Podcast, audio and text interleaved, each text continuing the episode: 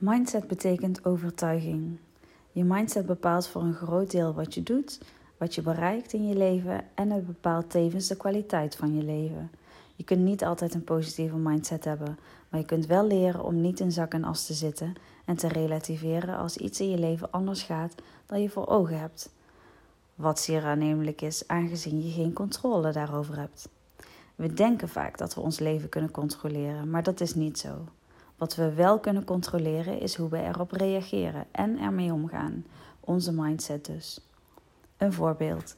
Afgelopen vrijdag ging ik lekker een dagje naar het strand met mijn vriend. We keken er al een week naar uit. En wat bleek toen we daar waren? Er was een lieve heersbeestjesplaag. Bizar.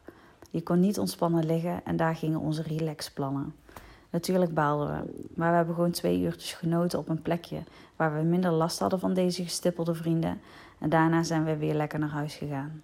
Hebben we ons dag hierdoor laten verpesten? Nee. Het was jammer, maar hebben we zagrijnig rondgelopen en was het een verloren dag? Nee. Gewoon een aanpassing van de dag, net zoals je dagelijks moet schakelen in het leven bij diverse gebeurtenissen en verschillende situaties.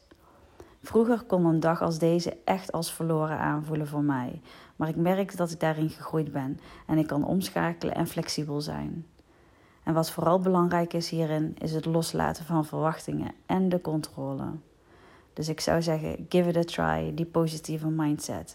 Het geeft jezelf veel meer rust en het ontdoet je van stress.